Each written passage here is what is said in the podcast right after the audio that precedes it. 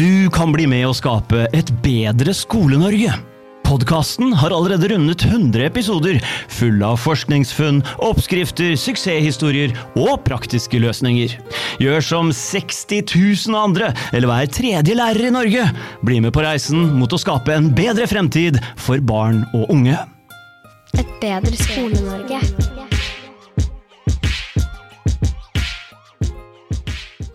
Et bedre Skole-Norge. Velkommen til Et bedre Skole-Norge. Med meg i dag har jeg Pål Henrik Hagen, som er filosof og musiker, og han er også kjent som skribent i Subjekt. Jeg opplever at han og Damby Choi er blant dem som har de mest interessante stemmene i debatten, uavhengig av ståsted, og de tør å være kontrære. I dag skal vi snakke litt om pride, og hvordan det kom inn i skolen. Jeg er jo opptatt av å forbedre skolesystemet, og selv om norsk skole er godt finansiert og har høy lærerdekning, kanskje høyest i verden på ungdomsskolenivå, så scorer vi middelmådig på PISA-tester, som riktignok bare måler noen smale ferdigheter, men uansett.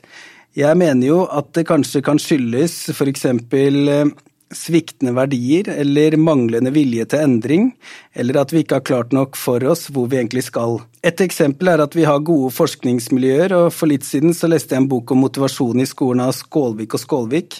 Og Der sitter de egentlig med fasiten til hva som skal til for å øke motivasjonen til elevene i skolen. Men så vil jeg påstå, altså i det siste kapitlet så, så sier de hva som skal til, men så problematiserer de at kanskje det ikke skjer. Og så blir jeg så demotivert av at vi sitter med all infoen til å bedre motivasjonen, men så, så, vil vi ikke nok. Og noen som jeg opplever at vil nok, det er jo organisasjonen FRI, som er dyktig til å påvirke skolen gjennom sitt eh, påvirkningsarbeid. Og det står rett ut på sida deres at eh, en av de viktigste rollene de har, det er å drive påvirkningsarbeid mot storsamfunnet. De vil noe, og i dag så skal jeg forsøke å lære litt av hvordan de har jobba. Og mm, kanskje det går an å plukke ut noe som man kan bruke hvis man vil ha andre saker inn i skolen, f.eks. et program mot trusler og vold. Jeg vil også bare ta noen disclaimers først. Jeg vil si at uh, i min rolle nå så er jeg jo først og fremst podkast verdt, og en podkast uh, Altså, det er litt omdiskutert om en podkast er omfatta av Vær varsom-plakaten. Jeg strekker meg i utgangspunktet ikke mot et ideal om å være en objektiv nyhetsformidler akkurat nå. Nå er det mer en arena for kritisk eh, refleksjon. Og så vil jeg jo si at det fins mange andre skolepodder, f.eks. lektor Lomsdalen, og jeg vil jo tro at han har et helt annet perspektiv på det her enn det jeg har. Så hvis man vil ha en slags kritisk masse hvor man hører på forskjellige ting, så går det an å f.eks. høre på denne episoden opp mot eh, en av hans episoder. Velkommen hit, eh, Pål Henrik Hagen. Takk for det. Jeg merker jeg er litt nervøs for å lage denne episoden her. Det er akkurat som eh, bare man åpner kjeften rundt det temaet her, så steller man seg laglig til for hogg. Men jeg vil også ta en disclaimer om at altså, vi ønsker alle alt godt. Vi ønsker mangfold velkommen. Og at uh, det her ikke handler om noe sånn hat mot noen minoritet eller noen. Men uh, altså pride har kommet veldig sterkt inn i skolen på kort tid. Og jeg tenker bare det er nyttig med litt sånn refleksjon rundt hva som har skjedd, hvordan det har skjedd, og kanskje også hvorfor. Vi har jo maila litt i forkant, og da at det filosofiske og idémessige grunnlaget har noe med saken å gjøre. Er det en grei inngang for deg, eller? Det er jo på mange måter det det handler om. Altså hva er hva er fundamentet i, i, det ideologiske eller filosofiske grunnlaget som blir brukt for å innføre disse tinga f.eks. i skolen? Altså, hva, hva, er forholdet til virkeligheten her, på en måte? Jeg bare kom på mens du sa altså, det her med disclaimer og sånn, er jo eh, ikke sant, det, det, forteller jo noe om uh, hvor betent debatten er. At man føler et sånt behov for å si fra om at man ikke ønsker noe noe vondt osv. Det, det viser altså Den følelsen man får av å delta i en sånn debatt, viser noe om hva slags krefter som er i sving, på sett og vis. Både politisk og sosialt og hvor vanskelig det har blitt å rett og slett bare si det man tenker, som er på en måte litt sånn ytringsfrihetsaspekt av det her. ikke sant? At det på mange måter handler det bare om å, å, kunne sette ord på eventuelle innvendinger man har til det som skjer i, i sammenheng med, med da pride og kjønnsteori og de tinga. Og så er det også litt det at det der med Man ønsker alt godt eller har gode intensjoner, ikke sant. Det noe jeg har skrevet om nå nettopp, faktisk. At det er ingenting selvfølgelig at pride, sånn det fungerer nå, er det beste for homofile eller for transpersoner eller for samfunnet som helhet, ikke sant. Det er ingen selvfølgelighet i det hele tatt. Så liksom den framstillinga at de på en måte representerer eh, skeive som en gruppe osv.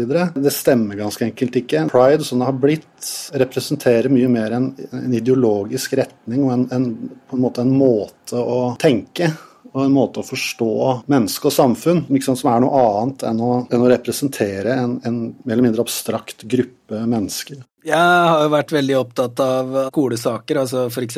så er det økning i vold og trusler, og så får man liksom ikke fiksa det.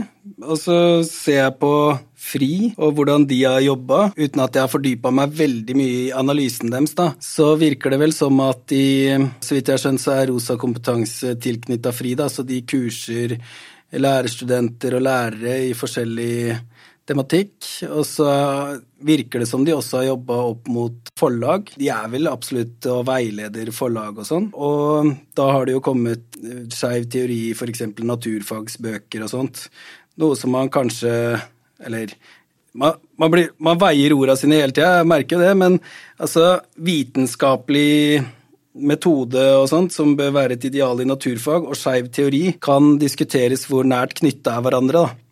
Eh, må kunne gå an å si. Så, så ja. ja. Og til og med, til og med altså, i mange, mange skeive teoretikere er eksplisitt kritiske til naturvitenskapelig metode og naturvitenskapen som sådan. Så det er et helt kapittel for seg sjøl. Jeg har vel opplevd at det har skjedd ganske eh, raskt at uh, Altså, jeg kan ikke huske før 2015 at noen snakka om at det fantes syv kjønn, eller kjønnskategorier. Sånn at eh, det var akkurat som Poenget mitt er vel at det virka som om det var et eh, påvirkningsarbeid som pågikk, da. Eh, og når vi har sparra bitte lite grann om det på per e-post, så virker det som at du legger vel mer av tyngden på at det, her er det noen ideologiske strømninger og sånt som muliggjør at sånt også kan slippe til i skolen relativt raskt? Ja, altså for, Du var litt inne på det der med at FRIs metodikk på en eller annen måte spesifikt da, kan gis fortjenesten for at skeiv teori er eh, innlemma i skoleverket, i pensum osv. Men de hadde ikke kunnet få den, det gjennomslaget de har fått uten en større ideologisk eller samfunnsmessig trend. Dette er jo, som nesten alle veit, ideer som på en måte er eh, i samtida, som er veldig utbredt og diskutert. Ofte med veldig følelsesmessig slagkraft ikke så mye rasjonell og argumentativ slagkraft. Altså akkurat det her med hvordan det har klart å bli eh, spesifikt innlemma i skoleverket, det er et lite mysterium, tenker jeg. Det er mulig å, å se noen linjer der. Noe som heter påvirkningsarbeid og sånn, det er eh, Jeg har lest litt om det, men eh, som jeg nevnte til deg, det er ikke noe jeg sånn, har noe spesiell ekspertise på, kan du si. Men kan du si litt om det du har lest, da? Ja, altså det var en organisasjon, IGLIO, IGLYO, som er en internasjonal eh, LHBT-organisasjon som ga ut en, en eller annen slags rapport hvor de beskrev hvordan det sto til med skeiv teori, de skeives sak i forskjellige land i verden, eller om det var Europa. Også Norge var der eh, beskrives som et foregangsland, et av de mest progressive, radikale i verden. Og det var beskrevet litt om hvordan de hadde oppnådd eh, det gjennomslaget. Det gjaldt jo ikke bare skole spesifikt, det gjaldt i lovverk og i samfunnet generelt. Men en av metodene deres var at de skeive organisasjonene jobba mot ungdomspartier, eller ungdomspolitikere, som igjen blei overbevist om saken og brakte den inn i Eh, ungdomspartiene og videre inn i moderpartiene. Og på den måten så fikk man på en måte omgått eh, offentlig debatt. Det fikk også større troverdighet innad i partiet, fordi det blei på en måte presentert av insidere, eller altså ungdomspolitikere som allerede var inne, ikke sant? eller som selger det her inn til eh, de kalde voksne politikerne. Om ikke sniker de inn bakveien, så gir saken en egen kredibilitet ved at det blir presentert innad i partiet. En annen metode som ble beskrevet eksplisitt, var at eh, disse unge politikerne sørga for at eh, eh, saker som gjaldt eh, LHBT, ble tatt opp i alle mulige sammenhenger. I, i møter og komiteer osv. hvor dette her strengt tatt ikke var på agendaen. Man bare liksom skulle gjenta og gjenta disse sakene for å på en måte skape mest mulig bevissthet og et slags hastverk kan du si, om å få disse tinga gjennom. Og som jeg beskrev det litt eh, sarkastisk i en spalte, så kan man se for seg et møte i, i energikomiteen om, uh, om, energipolitikk i Norge, hvor en eller annen ungdomspolitiker rekker opp hånda stadig vekk og avbryter om at nå er det på tide at vi får flere rettigheter for transpersoner i Norge. Ja, rett og slett bare bare dytter det her inn som den, den, aller viktigste saken, og på sett og vis maser seg til at dette her skal få bredest og raskest mulig gjennomslag. Det var det, var det som ble beskrevet der da, av denne organisasjonen sjøl, om liksom metodikken. Jeg er jo far til en uh, jente på 14 år og er jo ganske opptatt av at hun skal få en få gode verdier, da, hvis jeg kan si det sånn. Som forelder så er jeg opptatt av at hun skal ha en ordentlig verdimessig ballast med seg. Og det kan virke som altså, Sånn er det jo mye rundt i samfunnet at uh, La oss si du leser i Dagbladet, så kan du nærmest lese om hvordan man har uh, trekantsex eh, på en best mulig måte, og det er en seriøs psykolog som gir noe råd eller et eller annet greier. Nå mener jeg ikke å bli helt uh, mørkemann og hva skal jeg si, kristenkonservativ, men det er noe med at hvis man også jobber i skolen og opplever at normer blir veldig utfordra, og da snakker jeg ikke om de som er homser eller lesber eller ikke engang de som har kjønnsdysfori, men det er akkurat som at gamle normer som kanskje har noe for seg, da, også blir utfordra. Er det jeg som overreagerer her, eller er det litt sånn at veldig mange normer blir utfordra på en gang? Det er ingen tvil om at eh, normene blir utfordra. Ikke bare det, men det er selve poenget i skeiv teori. De er jo veldig opptatt av hva som er normativt. Særlig bruker de begrepet heteronormativt, som på sett og vis skal beskrive hvordan samfunnet er lagt opp etter eh, heterofile normer, f.eks. tradisjonelle familiekonstellasjoner og å ha barn og disse tinga. Å utfordre normer er hele essensen. Og videre fra liksom ordet norm så har man normalitet. Det det er det som er normalt eller det som blir oppfatta som normalt, skal utfordres. Delvis uklart om, om, man prøver å innføre en ny normalitet, eller om man vil ha altså, mange flere ting til å være normalt samtidig. Det oppstår utrolig mange paradokser og selvmotsigelser når man begynner å grave i disse tinga. En ting er sånn at det å være homofil eller transperson er ikke normalt i den forstand at det er ikke, det er ikke et flertall som er det, ikke sant? Så man prøver å oppnå en sånn type psykologisk respons i befolkninga, hvor de, det som er liksom, i praksis unormalt ved å være uvanlig, eller eh, en mindre andel av befolkninga, det skal på en måte ses som like normalt som det som er flertallslegning eller flertallskjønnsforståelse. Så man har dette her forholdet til normalitet der og Samtidig så har du dette ordet skeiv, som jo også er noe som har kommet inn i debatten i de siste jeg veit ikke, fem åra eller et eller annet sånt noe. Plutselig så var det på en måte skeiv som var ordet. Mange tenker kanskje at det er homofil, men det er jo ikke det heller. For det, det, skal på en måte inkorporere hele gruppa. Og man har jo den lange bokstavrekka som gjerne brukes. LHBTQIA2S tror jeg er den lengste, som involverer altså da homofile, lesbiske, bifile, altså transpersoner. Og så er det interkjønn, og så er det aseksuell. I tillegg så har jo også Pride på sett og vis innlemma det man kaller kinks, som sant, også er på siden av det normale seksuelt, og liksom i kraft av sin eh, unormalitet, så er det en del av det skeive. Så man kan på sett og vis være heterofil, men sadomasochist f.eks., som har jo også fått mye oppmerksomhet. Og ved å ha denne ikke-normative seksualiteten, så er du innlemma i det skeive. Så skeivhet i bunn og grunn koker ned til alt som på en måte ikke ikke er en form for seksualitet eller kjønnsforståelse som hittil har vært oppfatta som normalt. Hvilke felles interesser har sadomaskister og homofile? Det er litt sånn ja, de er kanskje begge sett på som unormale av et sånt uspesifisert, alltid uspesifisert, vagt sånt uh, flertall. Men uh, utover det så er det ikke, sant, uh, ikke nødvendigvis så mye som binder dem sammen. Og I tillegg har vi det her, det her du nevner med liksom en litt sånn Man får en sånn frykt for å framstå konservativ. Og særlig kristenkonservatisme er på en måte en slags sånn uh, boogeyman, eller en, uh, noe av det døveste du kan være, ikke sant. Som er på en måte innprenta gjennom uh, egentlig flere tiår med radikal politikk i både Norge og Europa, og radikal teori.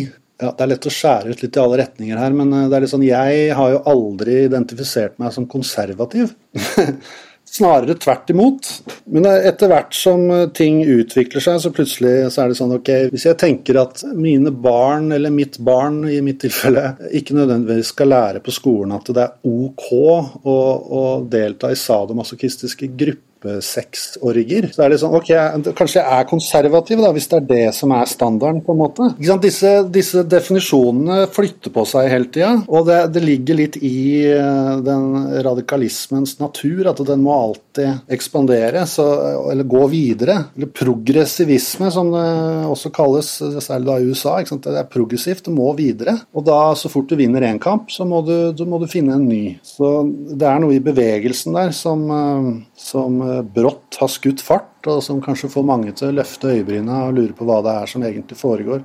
Og Det som foregår, er at man forsøker å snu om på alle normer, særlig da seksuelle normer. Og så har vi i tillegg hele den her kjønnsteoritingen, som er på sett og vis to forskjellige ting. Det som omhandler homofile, og det som omhandler transpersoner osv. Men jeg opplever vel det at um det er jo som du sier at det omfatter så veldig mange forskjellige ting, men i tillegg så, så er det noe med verdier som, som, kommer inn. Det er akkurat som at hvis du har verdier i det hele tatt som er tradisjonelle, så er du døv i utgangspunktet, eller det krever mye å, å stå opp for det da må man gjerne henvise til forskning. Da. Jeg så f.eks. Espen Goffeng skrev en eller annen artikkel om at uh, det beste for unger er jo å vokse opp med to foreldre, og det fins det drøssevis av statistikk på. Sånn at det å hype på en måte aleneforeldrene og sånn Det fins folk som klarer det på en god måte, og alt sånt, men det beste tradisjonelt er å ha to velfungerende foreldre. Altså, jeg har jo et barn fra tidligere forhold, nå er jeg et nytt forhold, sånn at uh, legge inn en disclaimer der òg, men uh, det er en sånn type argumentasjon på følelser at uh, det blir veldig sterke negative følelser hvis ikke dette her blir gjennomført. Og på sett og vis er, sant, er, det den samme formen for argumentasjon som ligger i dette her med å uh, argumentere for en tradisjonell familieform. Altså at et barn trenger både mor og far. Eh, så fort man sier det og setter det som en norm eller en verdi, så vil man automatisk bli oppfatta som å fordømme enten enslige foreldre eller likekjønna foreldre. Eh, som igjen da vil få negative følelser, ikke sant? fordi de hypotetisk sett skal kunne oppleve det som veldig belastende at eh, det finnes forskning, og ikke, ikke sant, når det gjelder det å ha to foreldre og sånn. Ikke, bare forskning, men på en måte altså, eh, erfaringsbasert eh, over 100 år eh, om hvorfor det er gunstig. Sånn at man, man får, får, disse situasjonene hvor fakta eh, kan virke Blir påstått å kunne virke negativt på eh, visse minoritetsgrupper, og derfor kan man ikke ha de faktaene. Dette gjelder jo også i kjønnsspørsmålet. At det å påstå at det kun finnes to kjønn, er ekstremt belastende for de som eventuelt oppfatter seg selv som enten et annet kjønn enn de er født som, eller som et helt nytt kjønn som ingen har hørt om ennå. Så, altså det blir, altså, Dette er litt sånn kjernen i den formen for emosjonell argumentasjon. Hvor det er sånn Ja, vi hører hva du sier om uh, forskning og vitenskap, men uh, resultatene derfra gjør at jeg blir veldig lei meg. Da må vi på en måte underspille de tinga for å, for å beskytte følelsene til ofte hypotetiske minoritetspersoner. Mm. Men én ting er jo om en person sier akkurat det der, men en annen ting er når det kommer inn i læreverk for naturfag, at det blir, et, det blir på systemnivå også, da. Det mest ekstreme eksempelet, eller i hvert fall et av flere ekstreme eksempler, er jo det her med kjønn. At man skal lære barn og ungdom at uh, kjønn er en følelse du har, en mental tilstand, mer enn en fysisk tilstand som du på en måte er født med, og som du ikke kan egentlig gjøre noe med. Dette er jo utelukkende innført, altså denne ideen om mentalt kjønn er jo utelukkende innført med en slags begrunnelse om at det er for å beskytte den veldig lille minoriteten som eventuelt eh, opplever seg selv som et annet kjønn enn det de er født som. Igjen så har vi her en sånn Man må omgå, kall det sannheten, for å etterkomme følelsene til eh, enkelte minoritetsgrupper. Og det, det, ligger jo i sakens natur at det, det man da gjør, er at du, du, er nødt til å ikke snakke om kjensgjerninger for, å, for at alle skal liksom eh, føle seg bra. Og Dette henspeiler jo også på hele debatten, hvorfor det er så vanskelig å diskutere ting. Fordi at, eh, nei, Det er fordi at visse utsatte mennesker og grupper eh, vil eh, bli skadelidende av selve diskusjonen, og ikke bare selve liksom fremførelsen av enten vitenskapelige fakta eller tradisjonsbaserte normer og regler, som tross alt har gjort samfunnet vårt veldig godt mm. over tid. Mm. Eh, nå føler jeg meg helt gæren og veldig radikal, men altså bare det å si at det finnes to biologiske kjønn, er jo sånn eh, Det gjør jeg nesten med frykt, eh, for å si det. Så det kan jo være en slags temperaturmåler på debattklima, eller, eller kanskje jeg er veldig følsom, men, men, det er jo sånn, hvis man begynner å snakke om kjønnsidentiteter, så syns jeg jo det er noe helt annet. fordi i en naturfagsbok syns jeg jo det skal stå biologisk sett er det sånn og sånn. I tillegg kan det være sånn at folk identifiserer seg som bla, bla, bla. Det er helt greit, men, eh, men det er noe med hvis det blir for, eh, for utvanna, da. Særlig i et spesifikt fag som naturfag, så ja. Vi skal ta en, litt, en liten sånn filosofisk eh, sidespor, eller kanskje det er hovedsporet, jeg veit ikke. På det så er det en sånn det ligger noe i hva man oppfatter som eh, virkelighetens fundament. Og Da er det en liksom gammel debatt sant, om den om virkeligheten er fundamentalt mental eller fysisk. De som øh, vil på en måte trumfe naturvitenskapen her, bærer på en eller annen måte et argument om at virkeligheten er ikke fundamentalt fysisk, den er fundamentalt mental. Det handler om bevissthet, tanker, språk er det jo ekstremt mye fokus på. Hvilke ord man bruker osv. Ordene former virkeligheten, eller ordene former verden. Sånn at uh, vi lever i en liksom fragmentert filosofisk tid hvor det er som om det er ikke noe bred enighet om hva som er gjeldende. Og jeg kan uh, hva skal jeg si, som en mann som en gang var veldig opptatt av uh, subjektivitet og bevissthet og det mentales forrang i uh, virkelighetens fundament. Den måten å tenke på får veldig hard uh, utfordring av ting som biologisk kjønn. ikke sant? Fordi man tenker nesten ikke over disse tingene. Altså, du oppdager etter hvert at du er jo ikke et en disembodied mind, som man kaller det på engelsk. Altså en slags sinn uten kropp. Man er selvfølgelig i denne fysiske kroppen med dens hormoner og muskler og hjernemasse og alle disse, alle disse veldig kjøttfulle faktaene. Det er liksom i bakteppet på en eller annen måte at det er en sånn fundamental diskusjon om hva, hva som egentlig bestemmer virkeligheten. Det er for meg i hvert fall veldig liten tvil om at uh, uansett hvor mye du føler at du er et annet kjønn enn det du er født som, så er det ekstremt vanskelig å fullbyrde den mentale forestillingen i den fysiske verden. Og det, det, er ikke, det, er ikke, for å eh, underspille den psykiske smerten som disse menneskene opplever. Og heller ikke det som er ofte, ofte, er veldig mye poengtert, at eh, man ikke aksepterer den levde erfaringa, den subjektive opplevelsen til disse menneskene, som ingen andre noen gang kan forstå. ikke sant? Veldig mye fokus på det. Det poenget gjelder sant, for så vidt alle mennesker. Ingen kan egentlig forstå hvordan det er å være akkurat ett konkret menneske. Det er bare du sjøl og alle andre som veit åssen det er å være akkurat deg. Men uh, det er nå likevel enkelte ting som begrenser oss fra naturens side. Dette blir ubehagelig klart når uh, f.eks. transpersoner skal få behandling for sin kjønnsdysfori eller uh, kjønnsidentitet, hvor på en måte den subjektive mentale forestillinga krasjer i den fysiske verden. Og hvis du skal du skifte kjønn rent fysisk, så må du gå på hormoner hele livet, bl.a. Er, du, er du kvinne, jente, så må du skjære bort uh, puppene dine, uh, alle disse tinga. Man har liksom altså kjeve, muskelbygning, uh, skulderparti. Alle disse veldig, veldig konkrete fysiske tinga som det rett og slett ikke er mulig å komme unna.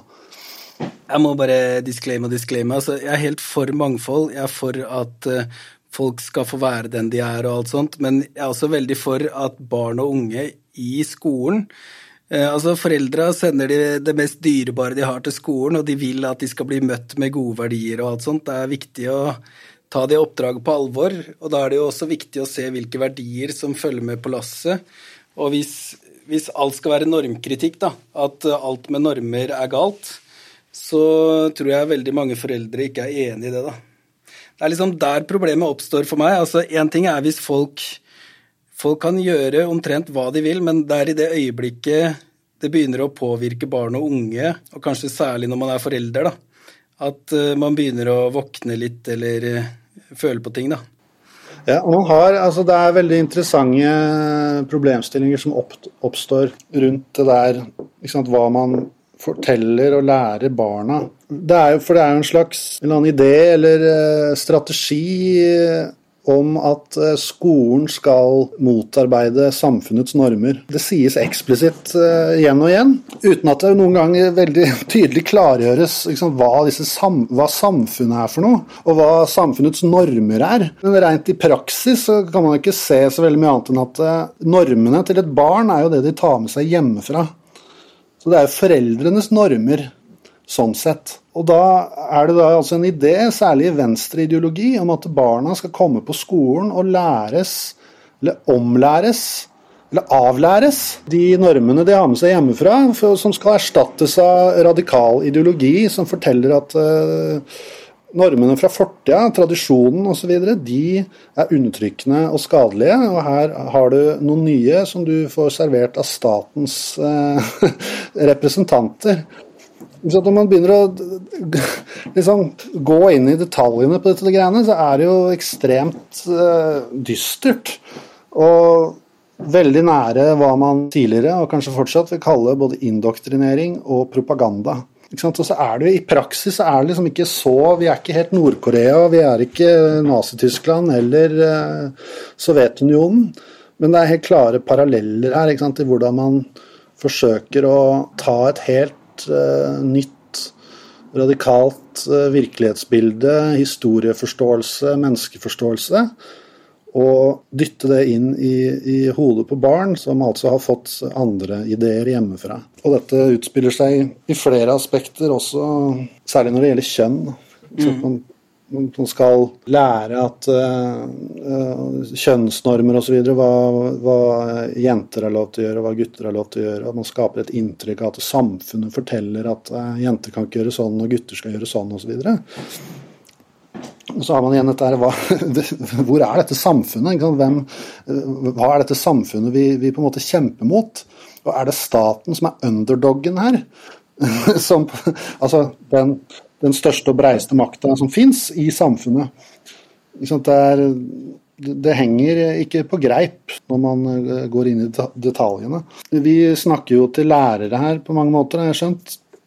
Og jeg har jo flere ganger tenkt det at uh, mye av det som står imellom disse mer radikale ideologiske føringene, er jo uh, liksom uh, Det er lærerne, de konkrete menneskene som jobber i skolen, som på en måte på en eller annen måte skjønner at det er ikke så enkelt som det de statlige føringene gjerne vil ha det til ofte. At du skal bare lære en hel generasjon at kjønnen kjønn er sånn og sånn. Men disse, for det første, disse ungdommene er veldig klar over uh, sin egen kropp og sine egne følelser. og og det er jo ikke så lett som å bare fortelle barn og ungdom hva de skal tenke, og så gjør de det. Heldigvis. Hva skal jeg si, Man har liksom en, en slags struktur i, i læreplan og, og altså disse ideologiske strømningene som forsøker å på en måte presse seg inn, men samtidig så har man fornuftige, normale mennesker ute i systemet som jeg tror tar mange av disse tingene med en klype salt, og samtidig er nødt til å forholde seg til konkrete hverdagsrealiteter som er eh, helt annerledes enn disse litt sånn høytravende, idealistiske forestillingene som ligger i, i læreplaner og ja. Altså Jeg har sett på noen læreplaner, og det er kompetansemål og sånn er jo helt, helt ute, i, ute i space, spør du meg. Men eh, det, det, det, er sikkert en annen debatt som dere sikkert har snakka om før. Ja, men ikke, Jeg syns ikke det er så mange som snakker om det. Hvis man snakker om det, så syns jeg man snakker om det med positivt fortegn. At uh, det er mangfold og sånn, Så jeg syns det blir lite problematisert. Så det er vel det jeg ønsker å få til litt med med livet som innsats, uh, føler jeg sjøl. Men uh, jeg, jeg, har hørt det i sven, svenske barnehager hadde de et prosjekt som var sånn normkritisk pedagogikk, hvor Altså det er jo sånn, Visstnok så er det en sånn utviklingsfase for barn da, at de f.eks. jenter blir veldig opptatt av at de er jenter, så de overdriver at de er jenter og skal være veldig sånn prinsesseaktige og sånn, mens gutter har motsatt av at de må liksom bekrefte identiteten sin med å bli litt sånn tøffe gutter og, og sånn, at det er en sånn naturlig utviklingsfase, visstnok. Og så har det vært sånne eksperimenter i svenske barnehager hvor de har aktivt, hvis en gutt gjør noe guttete, heller prøvd å oppfordre til å gjøre noe mer sånn jentete. Og motsatt av hvis en jente gjør noe veldig prinsesseaktig, prøve å få hun til å gjøre mer eh, gutteting, da. Først og fremst så vil jeg jo anta at det er kun begrunna med ideologi, og kanskje noe sånn Så det er jo ikke noe sånn barnas beste kanskje som et utgangspunkt eh, det, det, er vel mer en sånn Rousseau-tankegang eller noe sånt, da, at uh, barna er uh, leirklumper, vi kan forme de akkurat som vi vil, og nå skal vi skape helt frie mennesker som slipper alle disse gamle normene. Samme tida som jeg skrev flere disse pride- og kjønnsteorispaltene i fjor, så jobba jeg også med en eh, jeg aldri ble ferdig med, om, eh, likestilling og kjønn i skolen og i barnehager. Jeg fant noen sånne eh, undervisningsvideoer for lærere og, og barnehageansatte da, om hvordan man skulle forholde seg til tradisjonelle kjønnsroller i barnehagen i dette tilfellet. Og det var liksom det her du sier, at man skal på en eller annen måte prøve å oppfordre dem til det motsatte, som er en sånn veldig merkelig motivasjon som har oppstått ut av likestillingsprosjektet. At uh, man skal motarbeide et barns naturlige inklinasjoner. Dette her eh, utspiller seg jo i det vide og breie i samfunnet for øvrig, i voksensamfunnet. Hvordan man skal, sant, man skal skape 50-50 likhet i hvert eneste yrkesfelt uh, som fins. Og enhver ulikhet som oppstår, forklares med en eller annen form for undertrykkelse. Vi har jo ikke engang nevnt ennå eh, undertrykkelsesnarrativene. At det, alt dette her er bygd opp rundt sånne ideer om at uh, samfunnsstrukturene, eller systemet, alltid sånne usynlige, veldig brede, dels metafysiske prosesser som gjør at folk tenker og oppfører seg på en, på en viss måte. Her også er det igjen alltid en form for eh, fornektelse av fysiologi og natur. Eh, natur kan aldri ha noen slags forklaringsverdi. Testosteron versus østrogen, f.eks. Blir liksom eh, avfeid som, eh, som, mer eller mindre uviktig. Nei, alt handler om forskjellige strukturer som formidler på en eller annen måte ideer om hvordan folk skal være, og hva de skal ønske seg, og, og hva de er egna til, osv. For min del så ser jeg en helt klar linje fra kall det likestillings, dette likestillingsprosjektet om å på en måte utjevne kjønnsforskjeller og overse fysiske kjønnsforskjeller. Hvordan det har leda ut til den her transideologien. Man opererer med en sånn tanke om at uh, kjønn strengt tatt bare er noe i hodet ditt. Det er tanker. Jenter blir lært opp til å tro at de ikke vil bli ingeniører. Derfor søker de seg ikke inn på ingeniørstudiet eller interesserer seg for ingeniørting. Når det er ganske åpenbart for alle som uh, har en viss bakkekontakt, at det, det, selvfølgelig dreier seg om rent fysiologiske forskjeller i, som utspiller seg på hvilke interesser man har. Ja.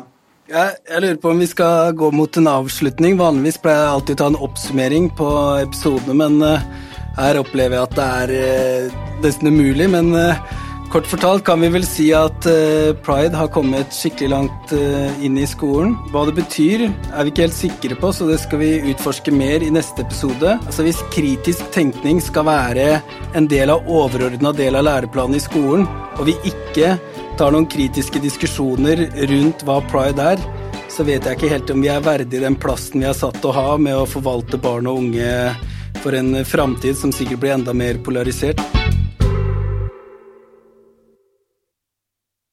Du kan bli med å skape et bedre Skole-Norge.